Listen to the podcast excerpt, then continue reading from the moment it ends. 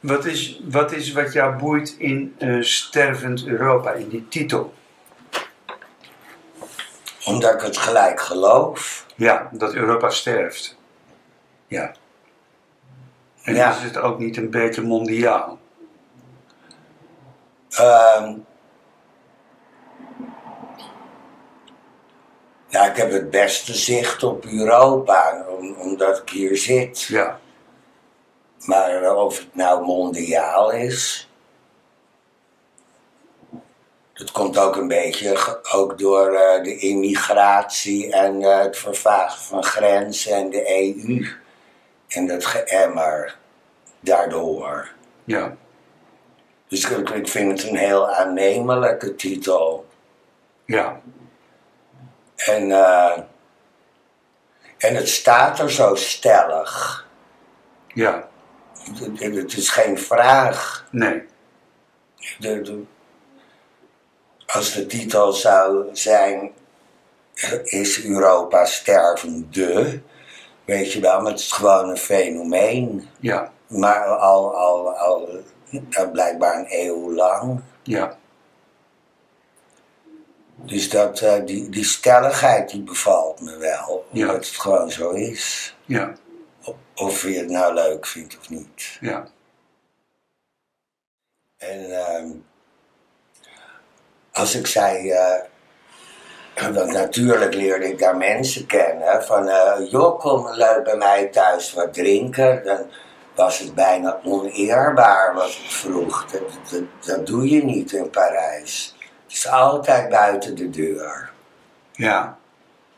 Fransen zijn natuurlijk ook een beetje wel afstandelijk, hè? Een Ja. beetje een... eh, En chauvinistisch. ja. Ja. En eh, Antisemitisch ook. Ja, maar ik woonde in de Marais. En, en daar, dat is de Joodse wijk. En dat- dus ik, ik zat eh, be- behoorlijk Joods. Oh ja. Synagoge om de hoek en Joods museum Ja. ook. Maar het had ook een hele nare kant. Hè? Want eh, eh, ik woonde tegenover Ile de Seine. En, eh, en dan heb je Rue de Rivoli en dan begon de Marais. En mijn voordeur was de Seine tegenover het eiland. En mijn achterdeur was de Marais. En, ehm, en die brug ook, dat was een verzamelpunt voor, waar de Joden werden afgevoerd. En eh, dat was heel helder. Oh, ja, ja, je voelde dat gewoon nog. Ja. Want dat was niet leuk. En mijn Frans was belabberd. En als ik, dan maakte ik vrienden ook. En dan ging ik eh, over in het, in het Engels. En dan was het tagge. Van hou je smoel. Ik, ik moest gewoon Frans praten. En nou ja, vooruit dan maar. Dan maar de ene fout naar de ander. Maar ik, ik vond het wel erg leuk. Maar je, hebt wel, je, je, je vond het wel leuk. Ondanks Ja. het feit dat, je daar, dat jij je daar heel eenzaam eh, voelde. Ja.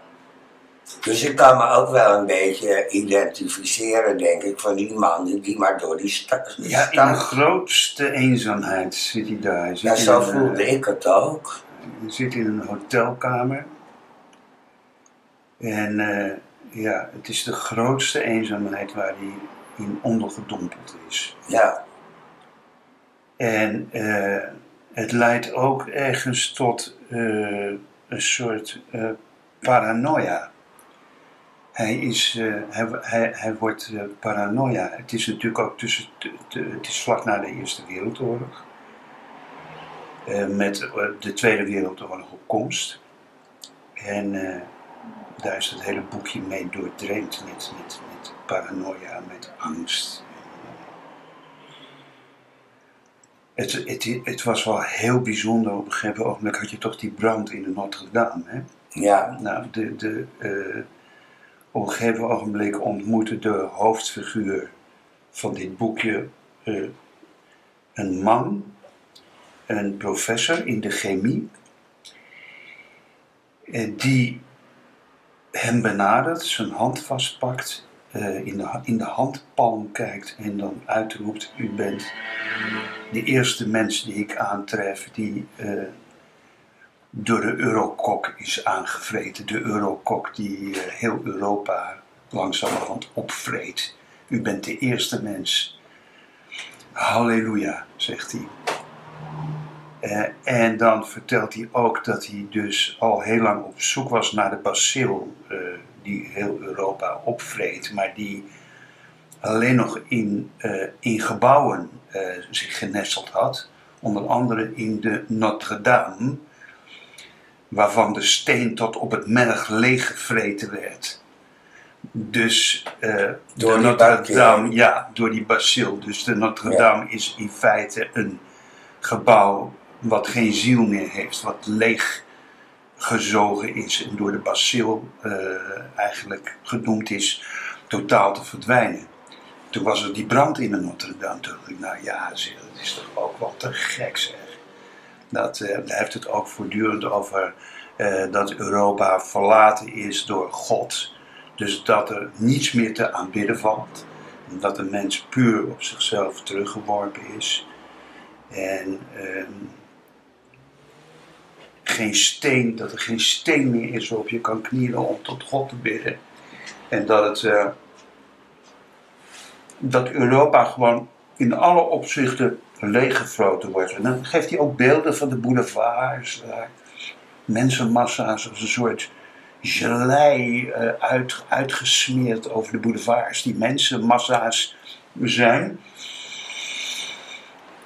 Waarbij alle mannen zonnebrillen dragen tegen de, tegen de zon. En allemaal dezelfde uh, filterhoeden in dezelfde kleur dragen. Dus die eenvormigheid van de massa ook. Hè? Dan de, de massa. Die zich doelloos en zinloos over de boulevards beweegt. Dus het is van een, totaal, uh, van een totale eenzaamheid en leegheid. Daar is het boek van doordrenkt. De stad biedt geen uitkomst meer.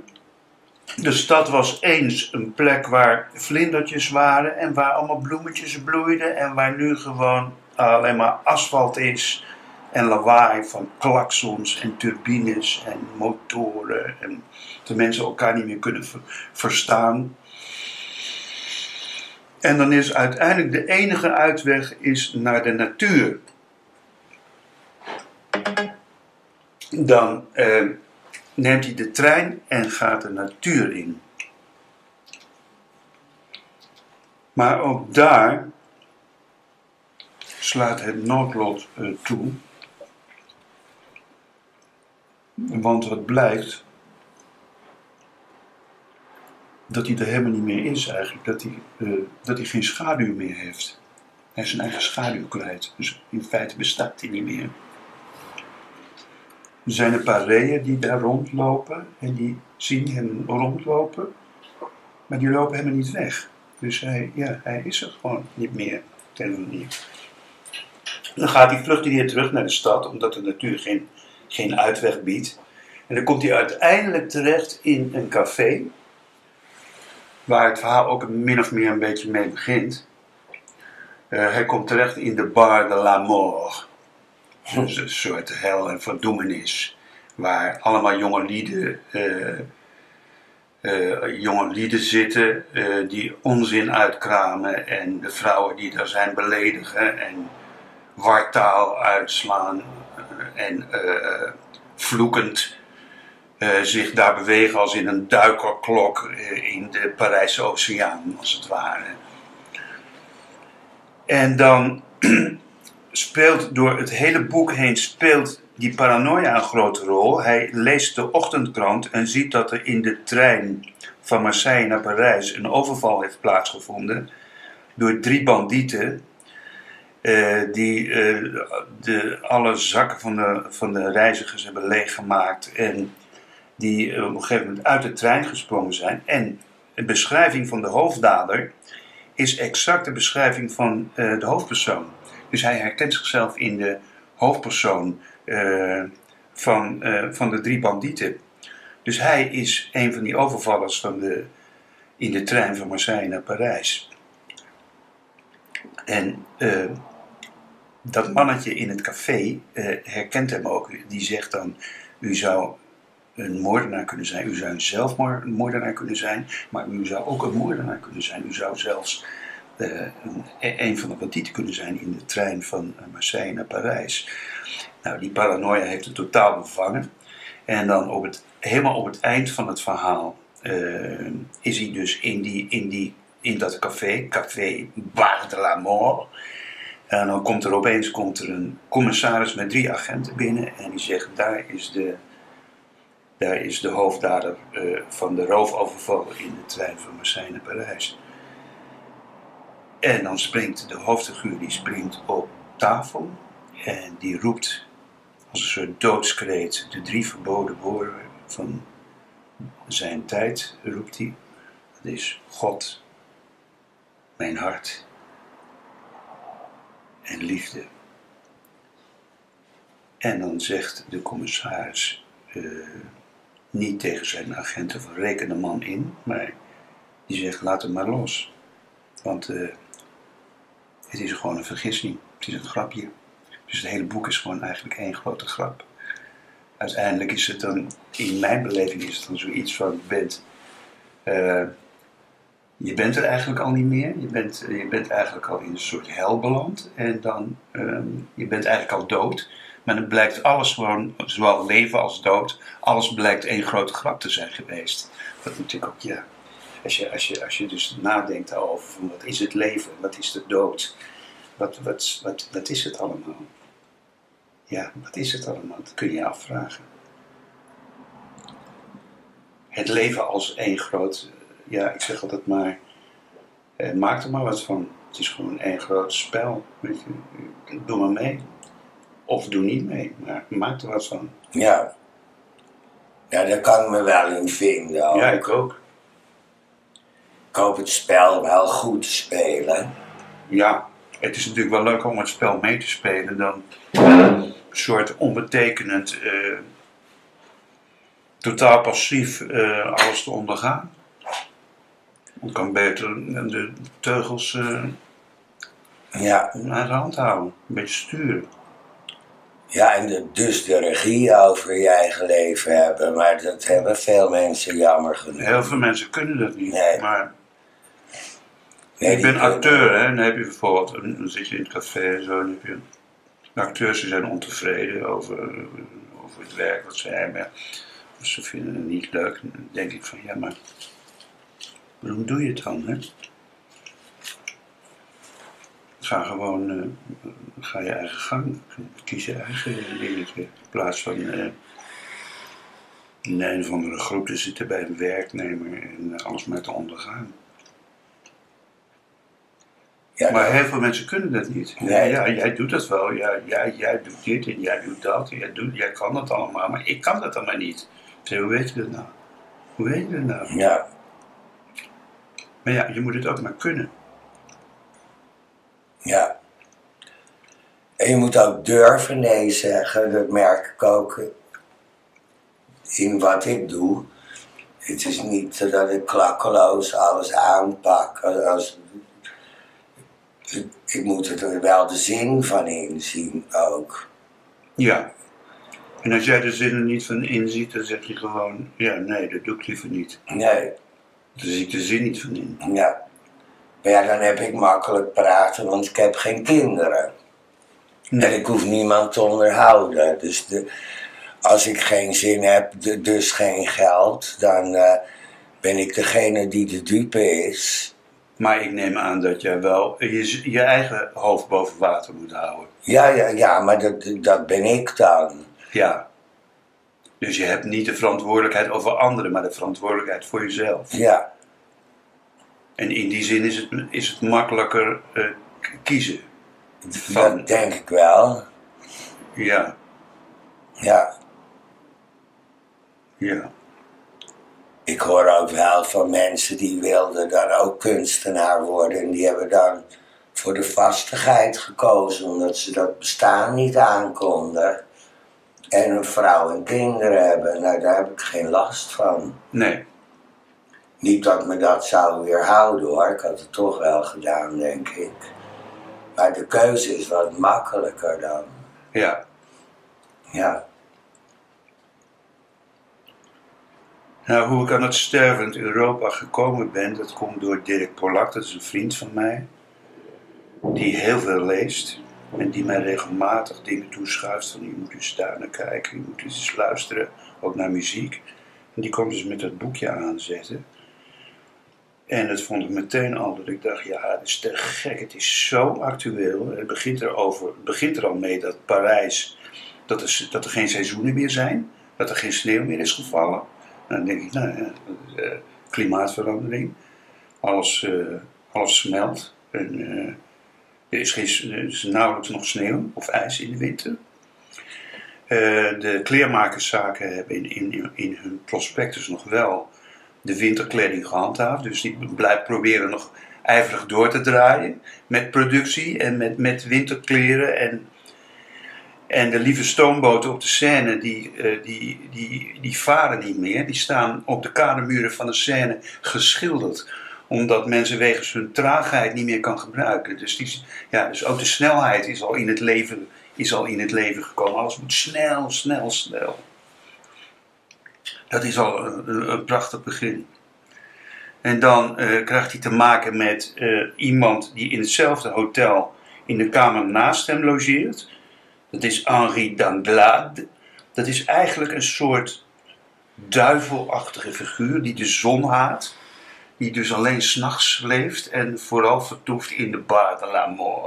En daar de ene cocktail naar de andere naar binnen slaat. En die het heeft over. Uh, uh, dat er nog twee, uh, twee dingen essentieel zijn in het leven, waar hij zich mee redt, waar hij zich mee staande houdt. En dat zijn uh, de glimlach en de leugen. De glimlach, zegt hij, dat is het brevet van de diplomaat. Ik blijf glimlachen, zodat niemand kan zien wat er zich op de in de afgronden van mijn wezen afspeelt. Ik glimlach in een soort masker geworden. Uh, dus niemand kan doorgronden wat ik denk en wat mij bezighoudt. Dus niemand kan nader tot mij komen. Die afstand hou ik.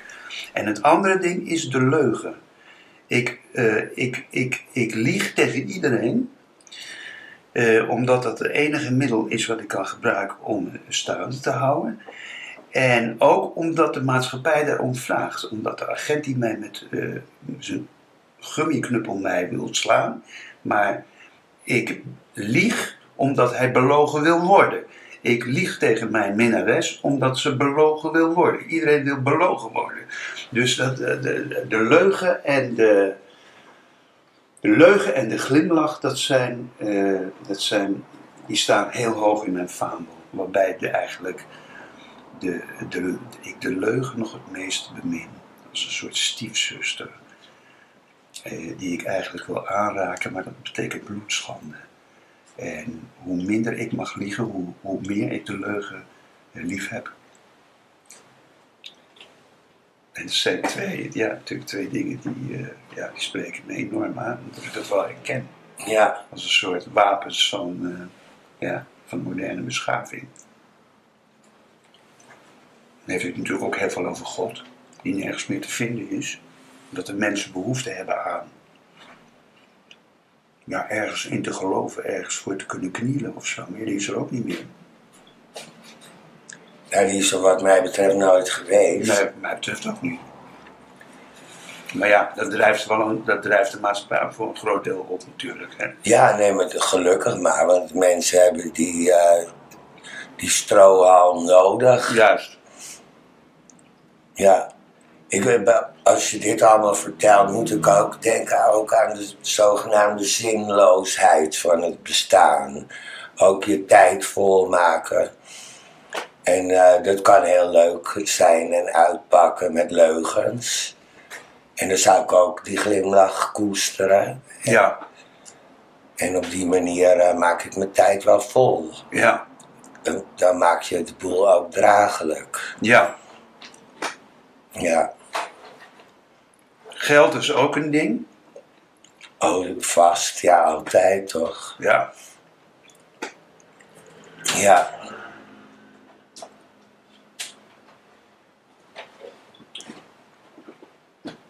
En eh, wat voor genre is dit dan, denk je ook? Is het, zou het in het rijtje existentialisme ook? Ja, dat is later, hè? Ja. eigenlijk een beetje. Het is, eh, het is niet intellectueel, het is heel intuïtief. Ja, Het is, eh, ja, Ivan Gol wordt gerekend tot surrealisten. Eh, hij zelf zegt dat hij surrealisme heeft uitgevonden, maar dat zijn er natuurlijk veel meer. Dat is gewoon de tijdgeest ook. Eh, dat zulke soort stromingen plotseling boven komt drijven. En er zijn er opeens een hele meer artiesten die plotseling eh, surrealist zijn. Eh, expressionisme wordt ook wel genoemd. ja, Hij heeft het over. hij heeft het over. dat mensen in die bar de l'Amour, dat je al- allemaal ledematen ziet alsof ze in een orgie bezig zijn. Dus echt, ze, zijn lijken zo van die opgezwollen ledematen, net als de eh, afbeeldingen van Picasso, die toen heel erg met cubisme bezig was. Hè, waarbij je inderdaad zo heel, hele grote, uitvergrote lichaamsdelen ziet en zo. Ehm, dus hij zit in die, in die, in die hoek van eh, expressionisme, eh, ook wel cubisme, futurisme ook. Hij heeft het ook veel over, over, over de snelheid, over eh, snelheid versus eh, langzaam. Dus al die stromingen vind je wel terug. Later opgepakt door Sartre en zo, maar voor op een veel intellectuele manier. Maar dus in feite is dit ook wel, ja, zou je ook wel, ja, als je een, een, eh, iets op wil plakken, zou je existentialisme er ook wel op kunnen plakken. Ja, ja. Maar surrealisme ook. ja surrealisme ook, ja, zeker. Hoe je net Parijs omschreef, Ja, dat klonk behoorlijk surrealistisch. ja, ja, ja. Ja, niet waar ook. Ik bedoel, zou altijd gras blijven groeien in Parijs, toch? Ja, ja.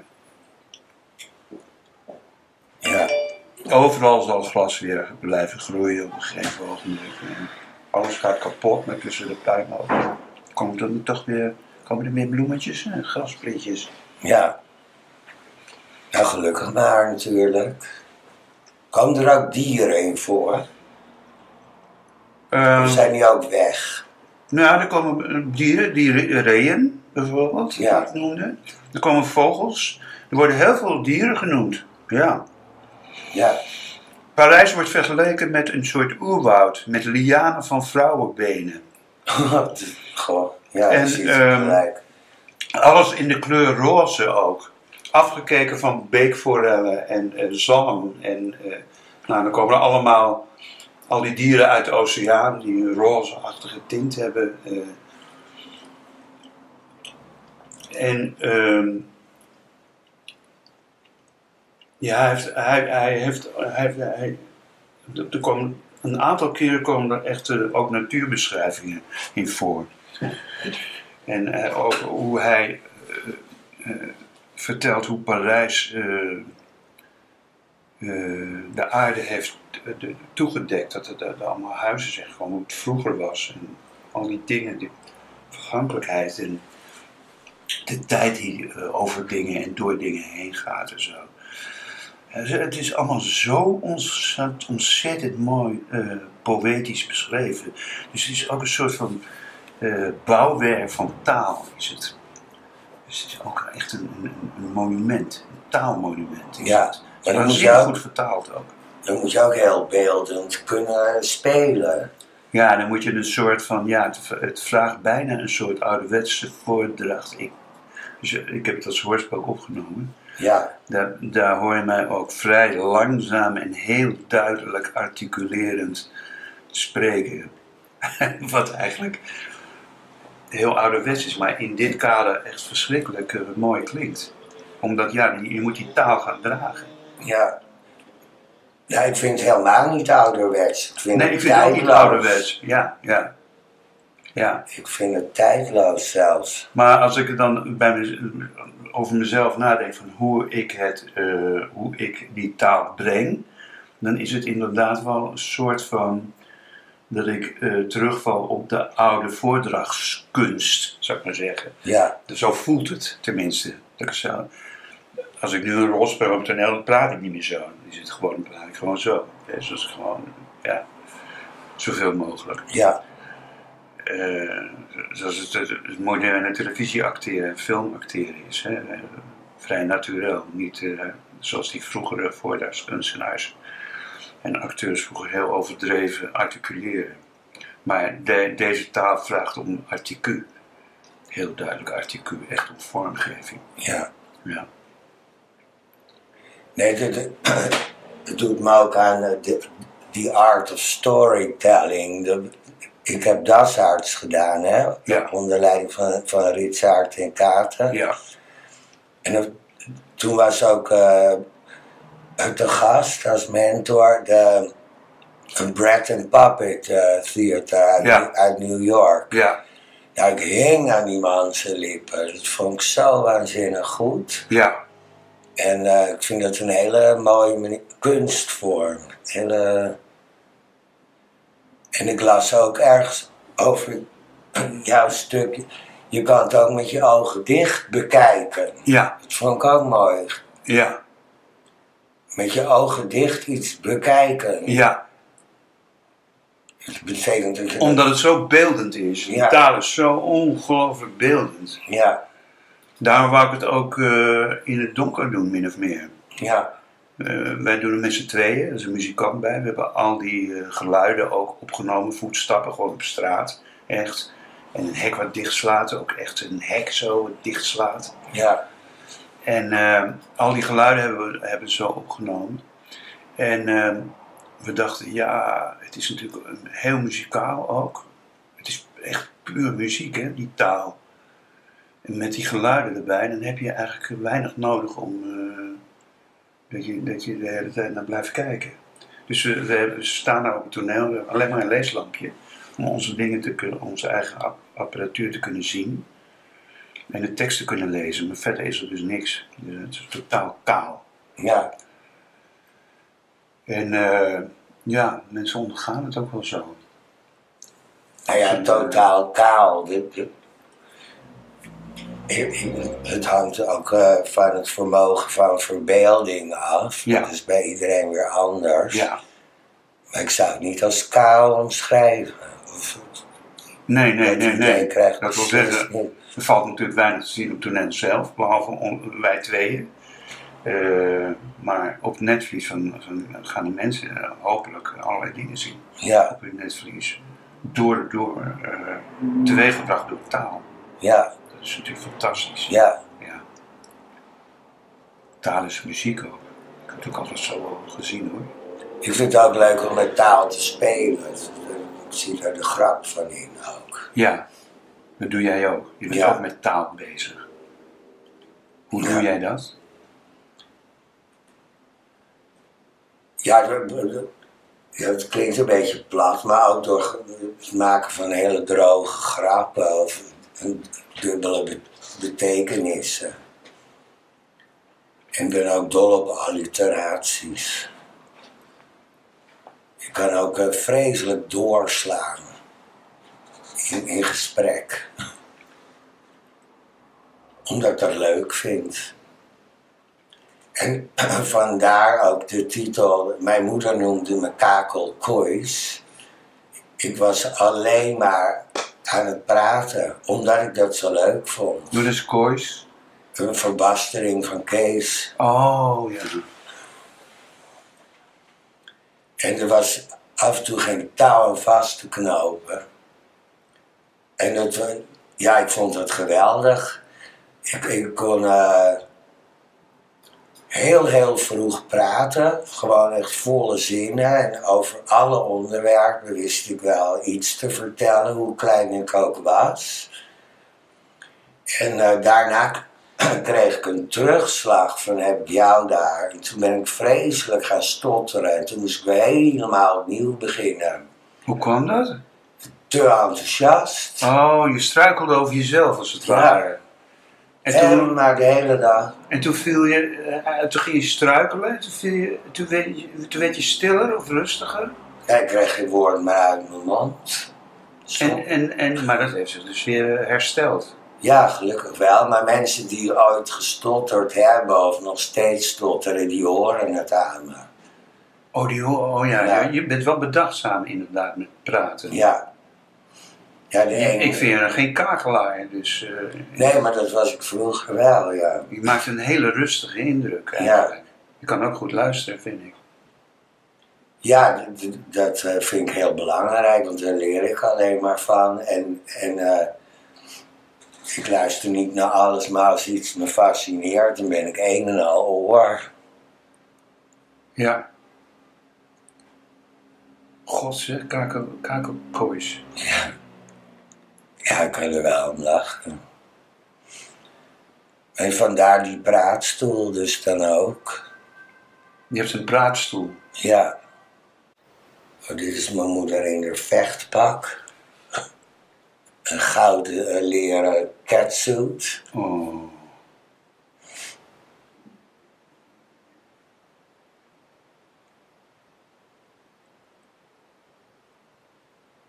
Maar ik neem aan dat dit al een tijdje geleden is. Eh, iets meer dan tien jaar. Oh, nou. Fantastisch. Heb jij dat pak ontworpen? Eh, samen met een vriendin uit New York heb ik dat eh, gemaakt. Kijk, dit was onze tourfoto. Wow.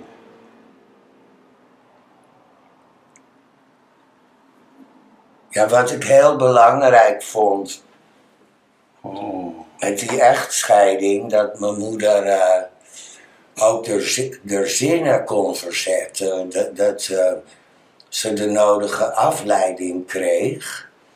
En ik wilde van het zogenaamde stigma gescheiden vrouwtje, wilde ik echt een diva van haar maken. En dat is wel goed gelukt, als ik het zelf mag zeggen. Mooi.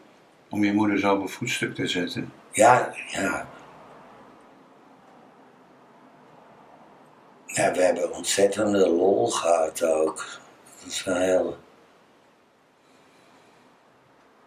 Ja, dat is heel dierbaar.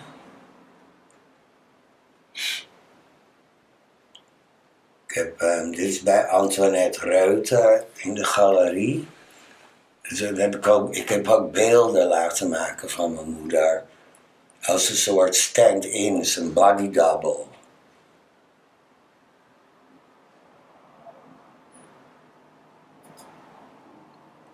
Omdat we gewoonweg niet eh, op twee plaatsen tegelijk konden zijn. Dat, dat, dat, dan was de body double gewoon aanwezig.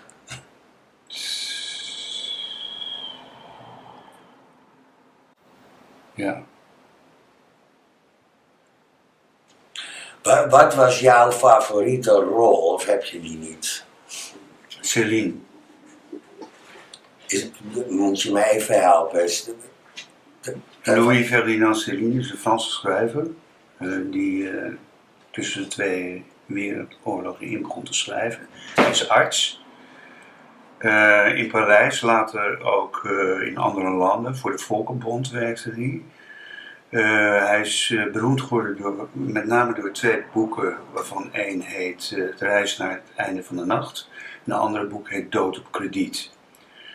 Hij heeft de Franse literatuur een soort lift gegeven, een modern pakje, door de spreektaal te verheffen tot literatuur. Het zijn allemaal korte zinnetjes, heel erg eh, ritmisch, heel muzikaal, met de drie puntjes. Dus eh, hij maakt geen zinnen echt af, hij laat zo dingen hangen. Drie puntjes. Daar is hij om beroemd geworden. Hij praat ook zo. Hij praat.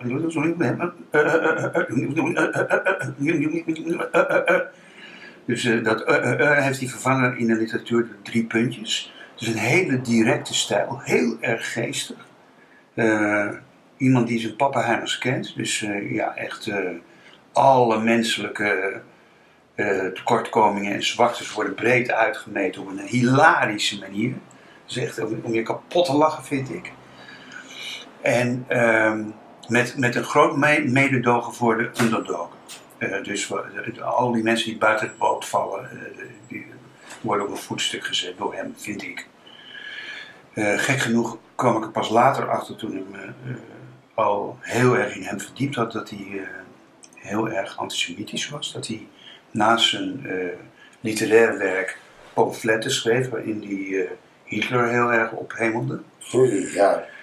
En ehm, hij is veroordeeld daarvoor. Hij is op de vlucht geslagen, is gepakt, uiteindelijk in de bak terechtgekomen, weer vrijgelaten. Maar in, in een soort van desolate toestand toch wel gestorven.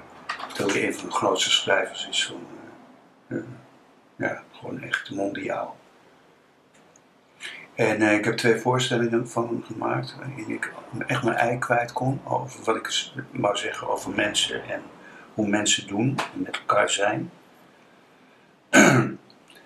en ehm, toen ik die twee voorstellingen, heb ik jou verteld, toen ik die twee voorstellingen gemaakt had, was ik eigenlijk klaar met mijn eh, met taal, met dingen te zeggen. Dus toen ben ik, heb ik een grote reis gemaakt door Tanzania met mijn, eh, met mijn gezin. Daar werd ik weer getroffen door enorme leegtes en door eh, mensen die achter ons aanholden voor een flesje water en voor, ja, voor geld. En ik werd getroffen daardoor de enorme kracht die mensen hebben om eh, overeind te blijven met bijna niks. En toen, ja, maar dat kon ik niet in taal vatten. Dus toen ben ik gaan, ja, eigenlijk meer gaan schilderen. En eh, maakte ik voorstellingen zonder taal, met alleen maar beeld. Ging ik bijvoorbeeld een, eh, een flamenco ging ik uitbeelden, stond ik anderhalf uur op één been. Ja, En eh, ja, toen werd, ik, toen werd ik echt de grond in geboord door de kritiek. Want er was geen dramaturgie, er was geen lijn meer in de voorstellingen. Er was geen verhaal, eh, er was geen taal meer. Er was alleen maar muziek en beeld. Nou, daar konden eh recensenten niet mee omgaan. Dat was, eh konden ze niet over schrijven, dus het was helemaal shit wat ik- deed. Daar raakte ik toch wel door aangeraakt. in die zin dat ik eigenlijk, helemaal geen zin meer had om theater te maken. En du moment dat ik dacht van, ik hou ermee op, kwam Spinvis belde me op. Of ik bij zijn band wou komen spelen. Dus ben, ik vier jaar eh, met hem op stap geweest met de band. Dat betekende dat ik eh, alleen maar trompetist was. En eh, dat is ook heel erg leuk. Ja, dus zo'n totaal andere manier van zijn. we, maakten theatertours, maar we gingen ook langs het, het, het clubcircuit. Dus hier in, eh, hoe heet het ook weer, hier, dus vlakbij dat. patronaat. Ja, Patro- Ik denk dat het... Maar die, oh, jij vroeg aan mij, wat is je mooiste rol? Dat is inderdaad Celine. Ja, nee, dat vroeg ik me af. Ik merkte ook dat het enorm aankwam, want er waren mensen heel boos op mij. Eh, omdat ik al die vuiligheid eh, de zaal in slingerde. Vuiligheid van wat mensen tegen elkaar zeggen, wat mensen met elkaar doen en zo. En dan identificeren mensen mij met Celine. En eh, hele lelijke brieven kreeg ik. Eh, ik kreeg ook dreigbrieven. Jeetje. Eh, maar ik kreeg ook aan de andere kant enorm veel bijval. En eh, ja, ik doe ook performances. En ik, eh, ik heb een Rietveld schilderen gedaan. En eh, ik Schilder je nog? Eh, heel zelden. Ik roep altijd, dat pak ik wel weer op als ik wat ouder ben. Maar eh, ja, eigenlijk kan ik niet echt kiezen omdat ik alles leuk vind. Ik, ik vind het ook leuk om op het podium te staan. Ik vind het leuk om te schrijven. Ik vind het leuk om. eh, ja, van alles. In die zin lijkt wel een beetje mij ook. Ja, maar dat vind ik de meest interessante eh, de kunstenaars ook. Michelangelo Pistoletto, dat is de founder van Arte Povera. Die heeft ook eh, die heeft het opgezet met Mario Merz. En die, eh, die deed vroeger helemaal Ja, van alles, alle disciplines. Die, Ich fürchte mich nicht.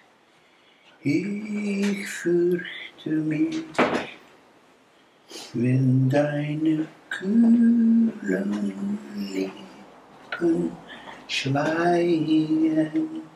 Ik heb nog een, eh, ik heb een Hij loopt tekst weer van, weet. een tekst van Iwan Gol ja, op muziek laten zetten. Dat ga ik even voor je zien. oh geweldig, leuk. Da kommt die. Wenn der Feuerberg mit bebenden Lippen Blut über die Erde speit. Die Wälder umlegt, die Vögel tötet, die Sonne selbst mit Asche verhängt. Ich fürchte mich nicht, ich fürchte mich, wenn deine kühlen Lippen schweigen. Eh, dat is dus eh, de Feuerberg. Dat, is dus, dat zie ik dus als een vulkaan. Als die vuur gaat dat die bomen alles doodt. Maar, zegt de hoofdfiguur, daar ben ik niet bang voor, voor dat alles. Dat de zon verduisterd wordt, dat de vogels gedood worden, dat de bossen eh, vernietigd worden. Ik ben alleen maar bang wanneer jouw koele lippen niks meer zeggen. Ja, Wanneer je stil bent, wanneer je niks meer zegt.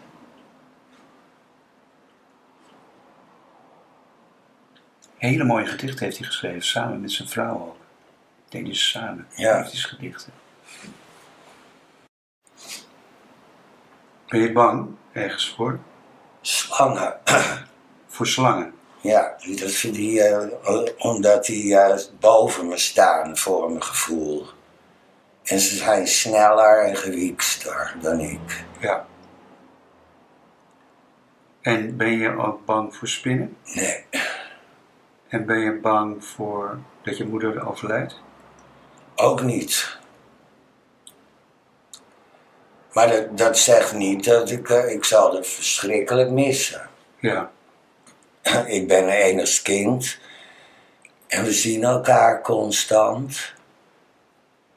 Elke dag. Denk jij wel eens aan? Dat is, eh, Ja, ja. Het was eh, vrij recent, eh, was het kantje boord met haar. En eh, ja, daar was ik wel even, even beduust van. En, maar- het, het is gewoon de realiteit. We gaan allemaal een keer.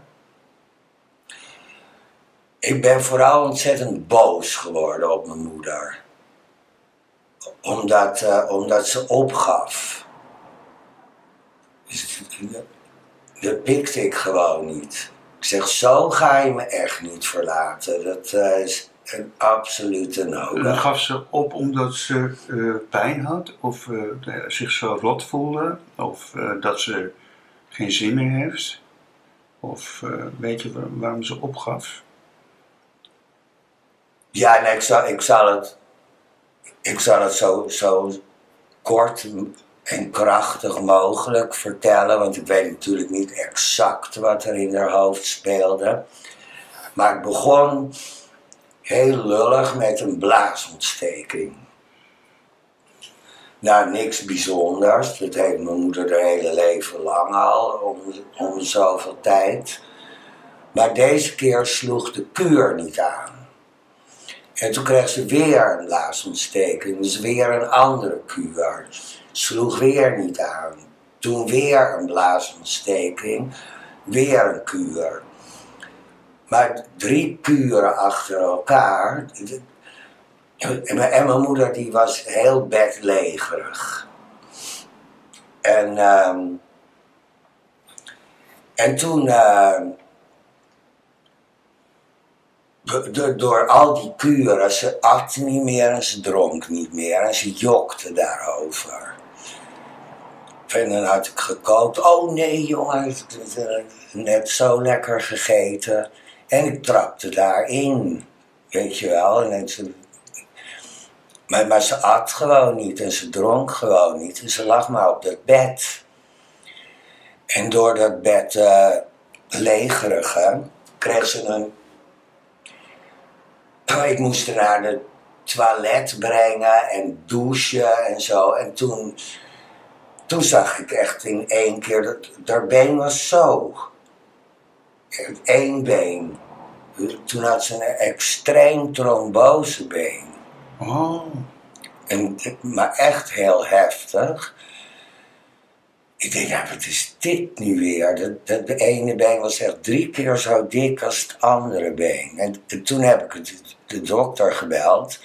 En toen is ze gelijk eh, eh, opgenomen in het ziekenhuis.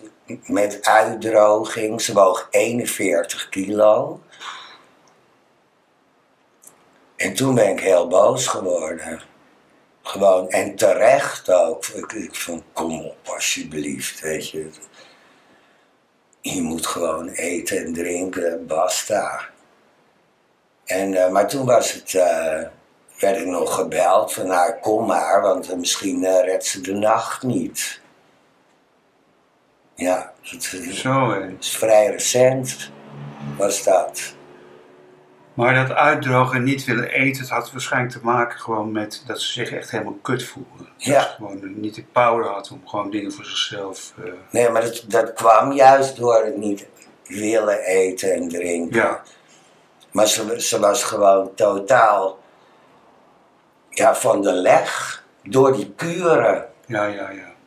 Ja, En eh, nou als je, kijk, als je kanker hebt, eh, ja, dat, dat, dat zijn dingen die je overkomen en dan, dan handel je naar de situatie, maar dit had ze gewoon ook volledig zelf in de hand ook. ja, En eh, ja, als ik weken niet eet en drink, dan heb ik er ook geen zin meer in. nee, Dus dat, dat, dat, dat, ik bedoel, dat is toch de, je brandstof. ja. En toen zei nou, op die manier wil ik je echt niet kwijt hoor. Nee. Dus eh, je vermant jezelf maar. En nu gaat het alweer een beetje. Ja, Godzijdank. dus ik ben aan het. Godzijdank. Maar het is er sneller af dan dat het er weer aan zit. hoor. Ja. Ja. En het was al een heel rank iemand. Ja, dat zie ik op de foto, ja. Dus als, als die 10 kilo afvalt, nou, dat, dat, dan blijft er niet zoveel over. Nee, hoor. nee. Ja. Wil je nog een stukje horen, eigenlijk? ja hoor. Dat is wel leuk. Roze, roze van vrouwen. Bloeiend woud der vrouwen met vlammende haren, met haren als water, met tarweharen en haren, waarin wij onze handen houden als in brandende doornstruiken. Wij, nieuwe vakiers, wij, goudzoekers, wij, wij, veertigjarige huisvaders met schurft in de oren. Wij, tuberculose winkelbedienden met de vlinderdassen en de galzieke handen. Wij, republikeinse professoren van de Sorbonne. Wij, generaalagenten van de verkoop van vulpenhouders en schieters. Wij...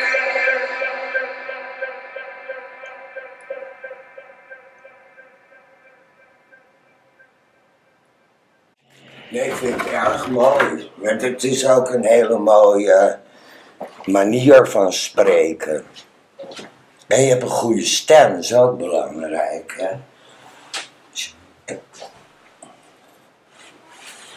Als je een ver- vervelende stem zou hebben, dan zou ik er niet naar kunnen luisteren. Vervelende stem, ja. Maar dit is een he- heel oké stem.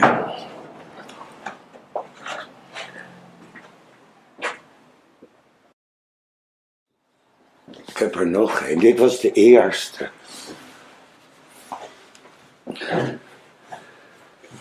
Dit ben ik, ben ik aan het performen in Tate in Londen. Dat was wel een soort hoogtepunt in mijn carrière.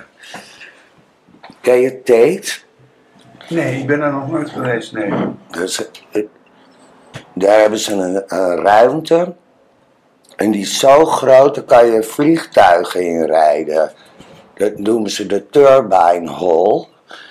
Ik denk, nou, dat ga ik niet redden. Zo, eh, met mijn stem bedoel ik. Ja, Want ik moest die... He je moest echt zo, hè. Zo- ja, Maar het, het is, het is me gelukt. gek. Ja.